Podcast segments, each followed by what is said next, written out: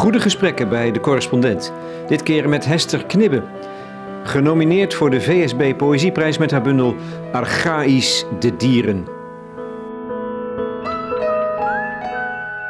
Ben een nieuwsgierig mens, ja. Ja, ik kan enorm kijken. Ik kan zo kijken dat het gênant is. En uh, ik heb wel eens een keer in Spanje... Uh, was een uh, prachtige, zo uitgebreide familie... met opa, oma en een dochter, een heel stel kleinkinderen en een opa. En die zaten ergens op een rots in zo'n gorge waar wij ook liepen. Die zouden daar gaan eten... En uh, het was dan zo'n oma in uh, kamerbreed zwart badpak, of in ieder geval zo'n soort zo kleding. En uh, nou, dan kreeg, dat kleinkind kreeg een duim zijn oren, bij die werd de snotneus afgeveegd. En die werd toegesproken. En er werden allerlei pakjes uit zo'n grote mand gehaald. En de oma sneed het brood dan zo tegen de borst. En die, die bruine pakjes die werden getoond. Nou, ik zat met open mond te kijken. Ik zat zo te kijken dat ze dacht dat ik honger had. Dus ze kwam naar me toe om mij ook wat aan te bieden. Het was buitengewoon gênant. En mijn man kan ook af en toe ook zeggen van, kijk niet zo. Weet je, dat, uh, ik kan echt helemaal opgaan in het kijken.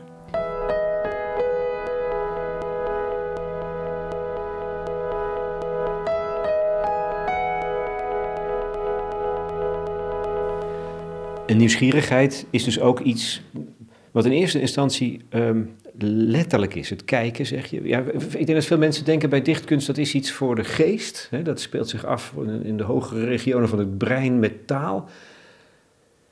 Ik denk dat veel mensen vaak vergeten dat het, of niet, niet snappen, dat het begint met gewoon ervaringen. Althans, dat denk ik dat het voor jou ook is. Gebeurtenissen, aan de lijve ondervonden dingen. Ja, dat is zeker zo.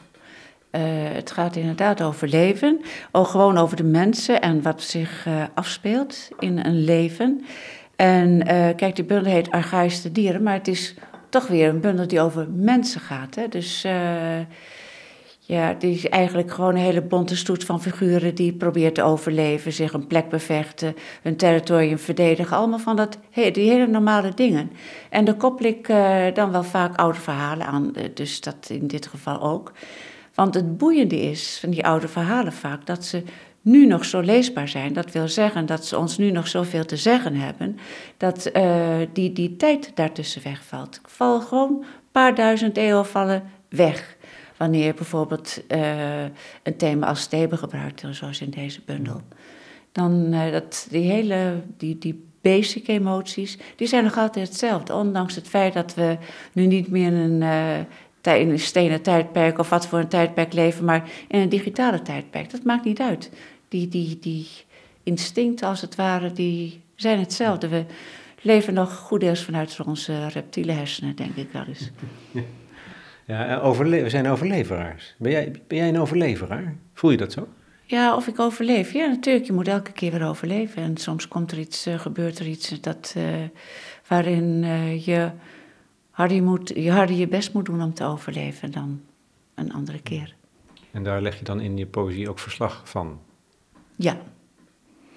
Ik heb uh, geschreven over uh, de ziekte en het overlijden van mijn zoon. Dat is een thema in mijn, uh, of dat komt eigenlijk vanzelf in mijn werk terecht, nog altijd wel. En ik zoek het niet op, en, maar ik hou het ook niet tegen. Ik laat het gewoon gebeuren. Je maakt gebruik, veel gebruik van antieke mythologieën, maar ook van bijbelse beelden. Dus het is de grote mythologie, kan je zeggen. En het, het, verliezen van een kind, als je, als je jouw poëzie leest, wordt tot een soort eigenlijk persoonlijke mythologie. Alsof dat er altijd eigenlijk is. Ja, nou ja, het, zoiets vormt natuurlijk wel mede de grondtoon van je bestaan. Zo'n eh, ingrijpende gebeurtenis. Hoe, hoe, lang is het geleden trouwens? Dat is nu 15 jaar geleden inmiddels. En dat, uh, maar het lijkt soms gewoon vorig jaar gebeurd. Maar um, het is natuurlijk iets wat niet alleen mij overkomt. Dat ben ik me heel sterk bewust. Uh, ik doe er iets mee, maar op een manier die het, hoop ik, boven het al te persoonlijke uitdeelt. En uh, ook andere mensen iets te zeggen heeft.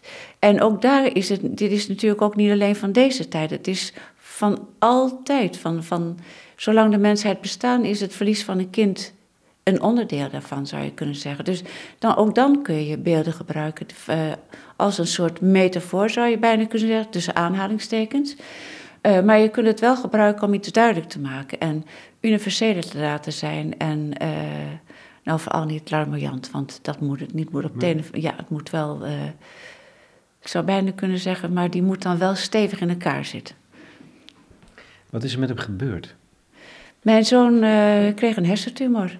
En daar heeft hij, nou, na, na, achteraf konden we dus een heel aantal dingen daarvoor, een paar jaar daarvoor, konden we goed duiden. Maar uh, nadat het bekend werd, heeft hij nog 2,5 jaar geleefd. Zou je iets willen lezen dat met dit grote onderwerp eigenlijk, deze grote ja, gebeurtenis te maken heeft? Er staan er een paar in die ik zelf ook heel erg mooi vind, maar misschien heb jij zelf wel een voorkeur. Uh, je bedoelt uit Archaïsche dieren? Ja, ja. ja? Even kijken. Ja, en dat is dan bladzijde 52, begin ik dan. Waar de berg in de zee glijdt, ligt op het strand een ram ongewijd, horens gekruist, te ontleden. Verderop vergeet een man zijn gebreken, hengelt naar de gunst van de dieren beneden vraagt ze zijn bord te versieren. Halverwege de man en de ram zitten wij met een picknick, herhalen oude gebaren, herkauwen oude problemen, terwijl we wat mee werd genomen verdelen. En weer staat vlakbij doorzichtig van zee hij met de golven te spelen. Dompelt traag zijn lijf erin onder, is al, bijna, is al verdwenen. Vannacht kwam hij thuis, jong, als waren geen jaren verstreken, bekeek me en zei: Je bent ouder geworden. Stak teder een hand in mijn hoofd, streelde er orde en chaos, beloofde dat hij zou blijven toekijken. Toen kreeg hij honger wilde sneeuwpaté op zijn brood en het vertrouwde mengsel van fabels en waarheid.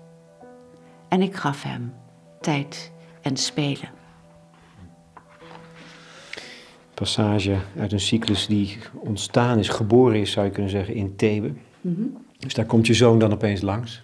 Ja, ja, en dan denk ik, oké, hij uh, komt langs en dat gebruik ik dan. Ik ga naar Thebe omdat ik weet dat ik iets met een thema als schuld wil doen.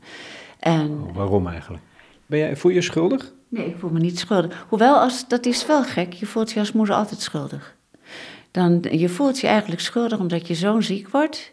En dan denk je van, hoe kan dat nou? Wat heb ik fout gedaan dat hij ziek wordt? Het, ik weet, je weet dat het een onzin, onzin gedachte is, maar het is wel een gedachte die bij je opkomt. Heel gek, dat blijft. Of dat blijft niet. Ik bedoel, dat, uh, zeker in het begin ga je bij wijze van spreken, uh, s'nachts, wanneer je niet kunt slaan, na wat er allemaal gebeurd is, wat er allemaal gebeurd is. Kortom, ik denk dat dat typisch iets voor moeders is. En, uh, en al die onzin dingen, die komen dan toch langs. Maar um, ik was een keer op een hele regenachtige zondag uh, in het Roodtheater. En er werd Oedipus en Antigone gespeeld. Het was iets wat in elkaar geschoven was. En de eerste zin, die, uh, nou, er schoot me eigenlijk de tranen bij in de ogen. En dat, ik heb geprobeerd die zin precies terug te vinden. Ook het, uh, het programmaboekje gekocht, het, het, het uh, de tekst van, uh, van wat er gespeeld werd. Maar die kon ik niet exact terugvinden. Maar het, het, kwam erop neer dat je in je volkomen onschuld iets kunt doen wat rampzalige gevolgen heeft. Nou, het prachtigste voorbeeld is natuurlijk Oedipus. En uh, die, nou, dat hij trouw met zijn moeder. In ieder geval, hij doet iets waar hij helemaal geen notie van heeft. Met de beste bedoelingen. En het gaat varikant mis. Een heleboel mensen hebben eronder te lijden. Uiteindelijk krijgt één figuur al die schuld op zijn nek. En het gevolg is dat uh, er, in, dat er rampen gebeuren. Ja. En ik denk dat het nog altijd zo is. Dat was uh, dus eigenlijk. Ja, denk je dat het nog altijd zo is? Hoe zie je dat dan in deze tijd? Nou, er gebeuren natuurlijk nog overal vreselijke dingen op de wereld. En uh, mensen gaan met de beste bedoelingen ergens naartoe. Je, je mengt je als regering in een zaak als Irak. En uh, wat uh, daarvoor een ellende eigenlijk gebeurd is, dat wil je niet weten. En wat er nog meer gaat staat te gebeuren. Dus kortom, je kunt met de beste bedoelingen iets doen, waardoor uh, zaken enorm uit de hand lopen. Ja, en in dit geval, dus dat was een thema wat daarvoor speelde. En zoiets blijft in je achterhoofd zitten.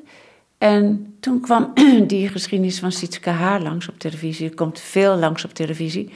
En dat, ja, Sietske Haar, dat is uh, dat die vrouw, of die jonge vrouw, die uh, haar kinderen gelijk na de geboorte dus doodde en in een koffer op zolder bewaarde. En dan kun je dan eigenlijk een enorm medelijden mee hebben van, als je zwanger bent, wat je dan wilt, is dat aan iedereen vertellen met je buik vooruit lopen. Nou, die bevalling is geen pretje natuurlijk, maar je, dat is je meest glorieuze moment, zou je bijna zeggen.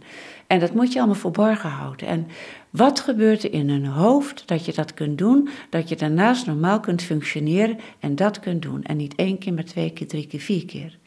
Daar ben ik dan nieuwsgierig naar. Wat kan in een hoofd gebeuren waardoor je eigenlijk een kant op getrokken wordt die je helemaal niet wilt? Nou, in dat uh, uh, gedicht van Sietske Haark, of dat Zog eenheid het, komt ook voor, voor ik baarde vormfout op vormfout. En een heleboel van die boeven, goed opgeleide boeven die zich een goede advocaat kunnen permitteren, die komen er met een vormfout van af en niet ontvankelijk verklaard van af, dat soort dingen. Nou, dat kan me ook behoorlijk boos maken af en toe. Zou je ze willen lezen, die, die ZOG 1 en 2? Pagina 24 en 25. Zog. Nooit in fotolijstjes, koffers genomen, mijn jonkies daarin ondergebracht. Ze waren te levend voor vreemde ogen, te luid voor de stilte die rond mij verwacht werd. Ik heb ze voor tijden gered van gepest, doodtrap, uit het lood gemept. Want zoveel is zeker, leeuw en lam, dat gaat niet meer samen. Ik baarde vormfout op vormfout, niet ontvankelijk verklaarden, en even happen naar adem, terwijl mijn borsten oververzadigd, nee moeder, nee moeder, nee, begonnen te lekken. Bang verlangde ik mij vast te klampen aan noodzaak. Maar ik kon ze niet wegdoen. Daarom heb ik ze in die koffers bewaard. Want het is niet iets wat je zomaar aan de buitenkant draagt.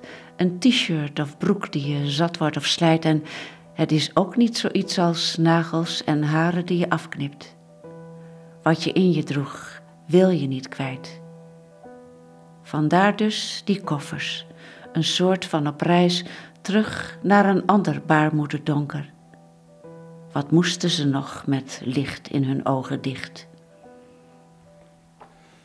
Ja, dat vind ik op een of andere manier een hele aangrijpende regel. Ja. Die, dat licht in hun ogen dicht, ja. Alsof je daar...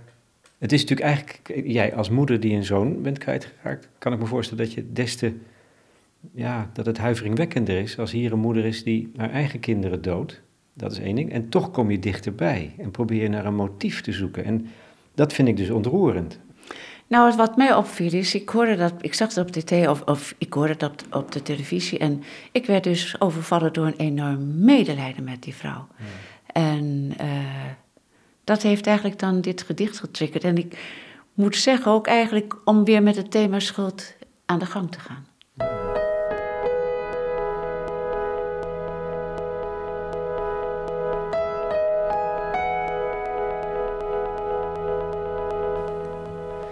Iets verderop in die cyclus kom je dan tegen vrijspraak voor Kain.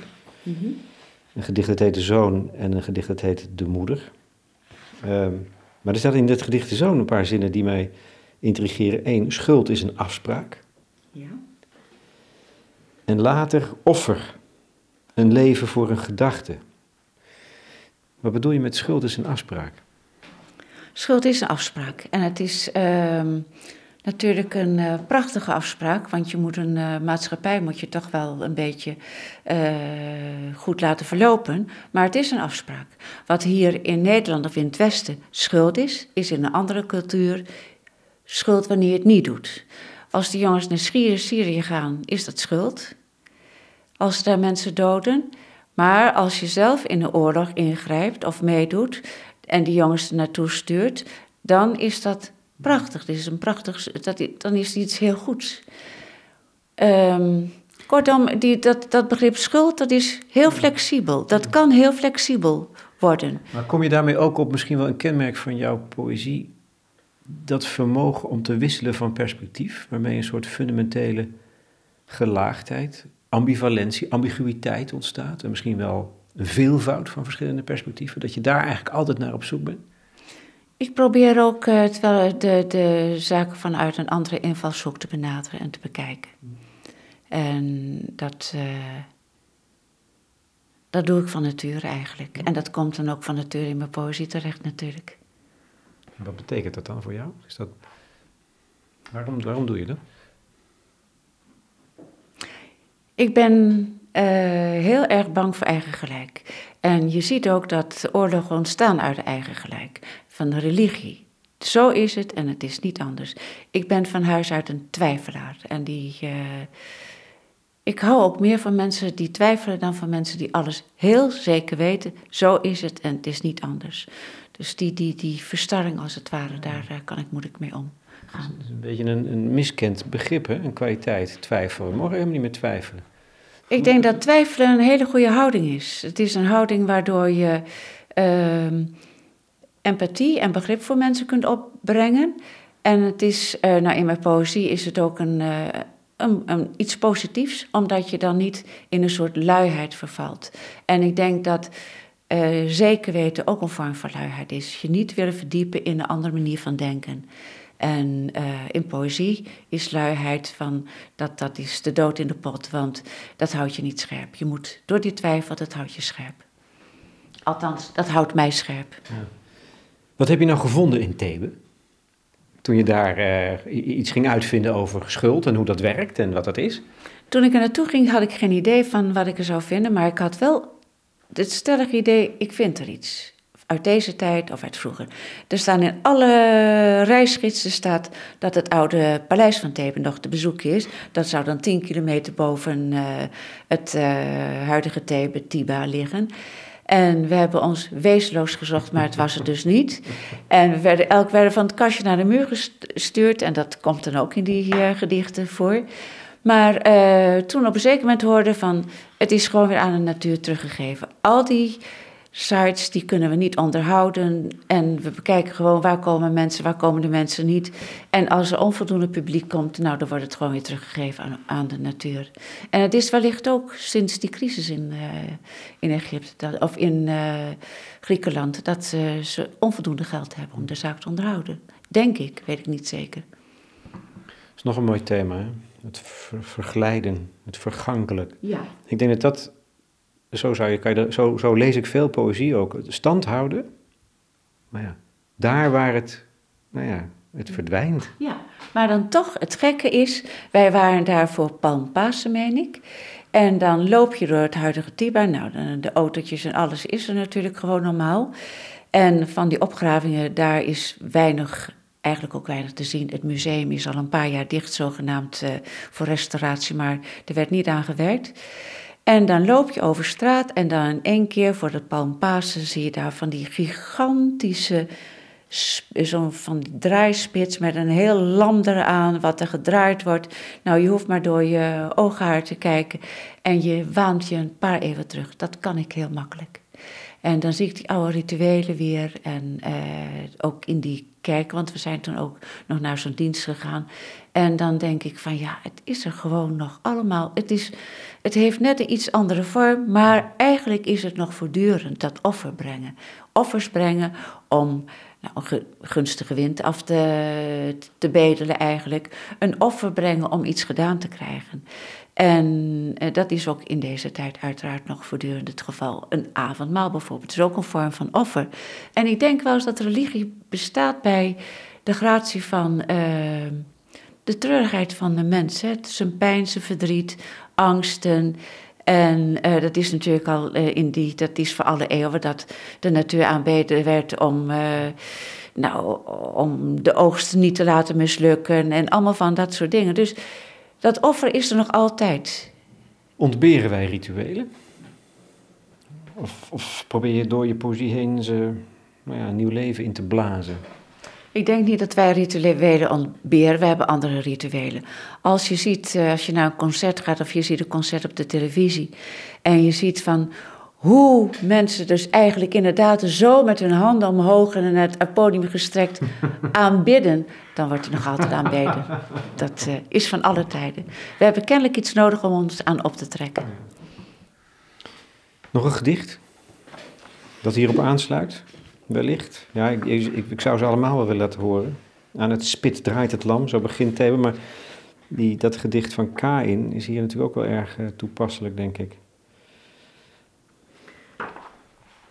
Oké, okay, dan uh, lees ik de moeder erachteraan als je het goed vindt. Ze horen steeds. Ze je leest, je, ja, maar dat, dat voortdurend merk ik dat. Ik, hè, dat je voortdurend in koppels bijna leest. De, de twee gedichten aan elkaar. Ja, ik, uh, dat is inderdaad zo. En dat is ook omdat ik twee kanten ervan wil laten zien, denk ik. Dus eigenlijk. Altijd, altijd. Altijd de ene kant wil bekijken en de andere ja, maar. Je kunt het ook vanaf, vanuit dat perspectief bekijken. Dat heb ik inderdaad, ja. Dan vrijspraak voor Kain. De zoon. Schuld is een afspraak.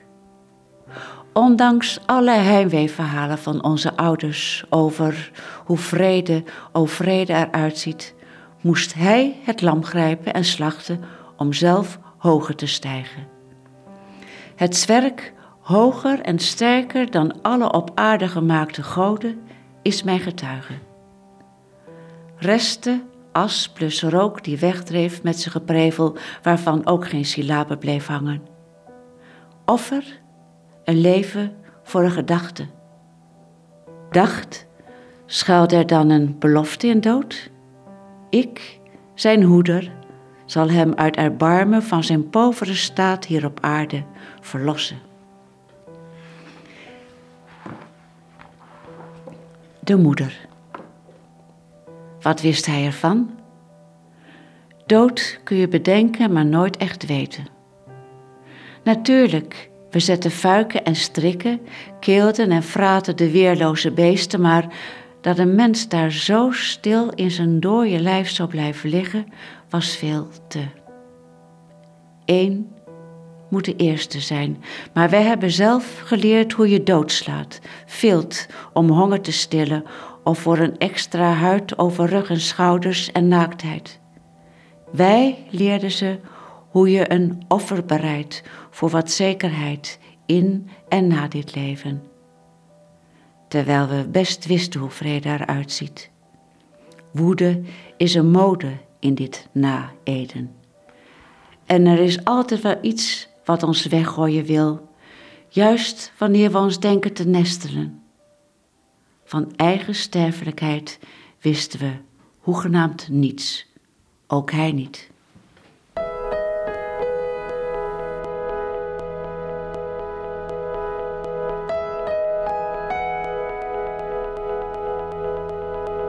Ja, die kwetsbaarheid hoort er wel bij, maar het onder controle krijgen daarvan hoort er misschien ook bij. En misschien is poëzie schrijven voor mij ook wel een vorm van uh, die kwetsbaarheid te analyseren. Te kijken van wat is dat? Dus ook een vorm eigenlijk, om er vorm aan te geven aan, aan die kwetsbaarheid. Maar ook zou je kunnen zeggen, is dat een manier om uh, het onder controle te krijgen. Toch wel. Toch wel. Toch, dat wil je dan toch ja, wel? Toch wel, ja. Het is een vorm van controle, denk ik, dat schrijven. Uh, je gedachten op een rijtje zetten wellicht. En dan voor jezelf weten tussen aanhalingstekens, oké, dat zit zo dus en het zit zo bij mij en wellicht zit het zo bij een ander. Dus het is een vorm van controle krijgen. Ermee overweg kunnen. Nou, je hebt ook wel eens gezegd dat je in je poëzie de, de chaos vorm wil geven. Chaos bedwingen als het ware. Ja. Dat voel je ook letterlijk, dat voel je ook echt zo. Dat is ook zo natuurlijk. Het is, uh, er gebeurt ontzettend veel en dat, uh, dat is eigenlijk toch een behoorlijk chaotische wereld waarin we leven. En het kan in je hoofd behoorlijk chaotisch zijn. En uh, die chaos onder controle krijgen. Dus inderdaad op een rijtje zetten van zo, zo, zo. Ik ben analiste van beroep en klinische chemie en daarna farmacie. Dus dan is het natuurlijk ook dat je analyseert. Je krijgt een je krijgt een stof en dan moet je toch maar kijken van dat zit zo en zo en zo. Uit die elementen bestaat het. En als ik er daarmee. Uh, uh, en uh, dat kan ik doen, te onderzoeken door dat erbij te doen en door dat, die handeling te verrichten. Kortom, ook een vorm van controle krijgen over het product. En die klinische chemie, ook hematologie heb ik veel gedaan. Je bekijkt het en je bekijkt het onder een loop of je bekijkt het via een auto-analyzer of wat dan ook. Maar je probeert controle te krijgen over de materie. En wellicht, dat is poëzie misschien ook een beetje voor mij. Het, is, het, het, het zit, het, het schamt toch elkaar, denk ik. Die, die, die, die uh, analytische kant dus, uh, van mij en nou ja, die, uh, die andere kant. Een enorme drang om te begrijpen dus. Ja, om te, ja, erachter te komen van wat er speelt. En en geldt dat dan ook het begrijpen van dat wat er met je zoon is gebeurd?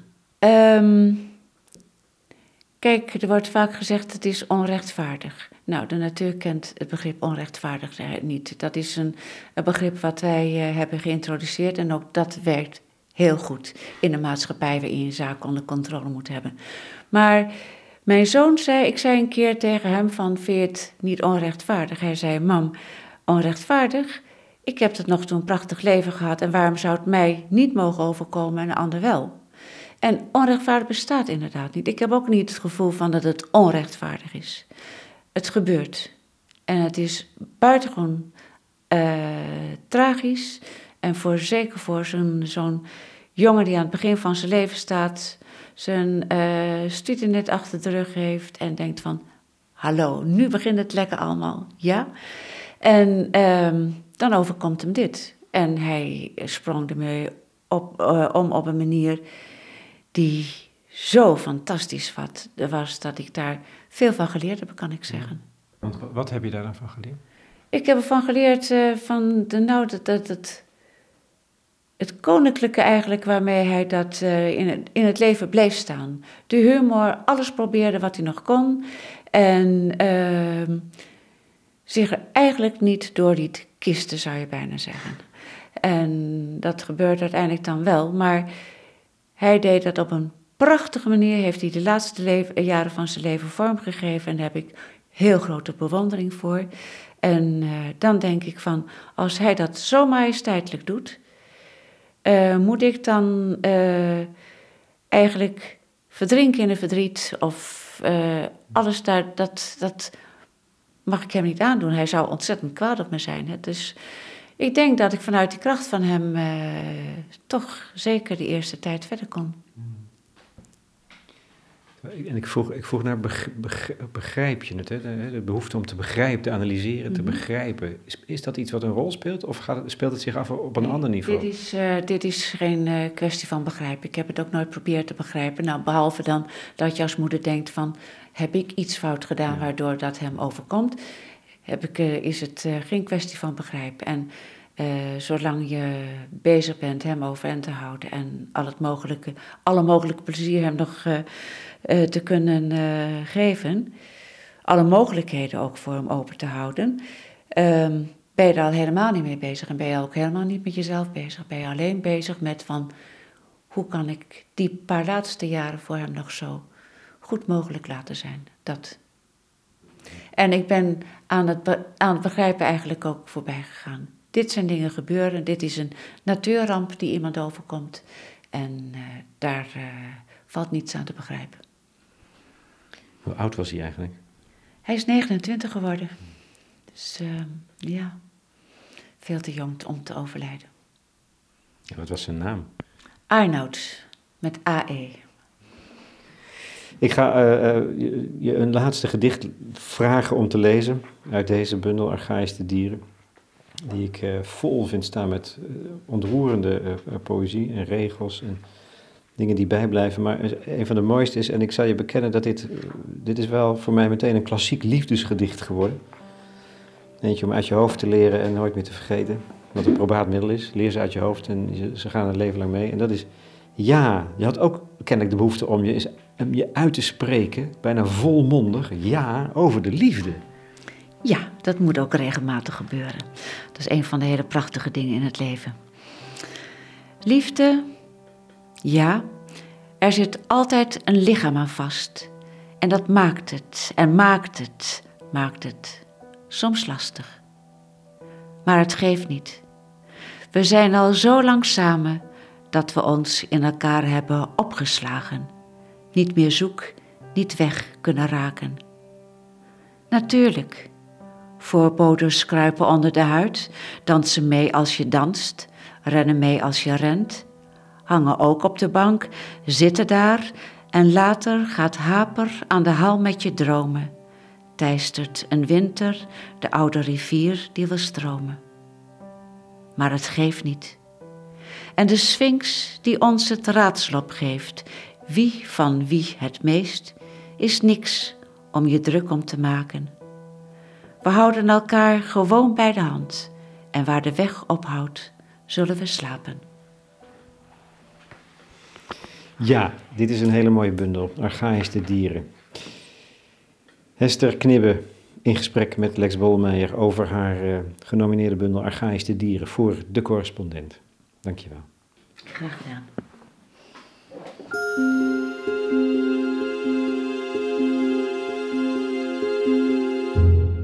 Ook als het nest een ratje toe is van toevallige vondsten, legt zich het ei en breekt tenslotte. Wat je zoekt is niet de schaal die je hoedt, maar het frelle caduc, die beweging durven, nog zonder weet van herhaling, verveling, profielschets, Facebook.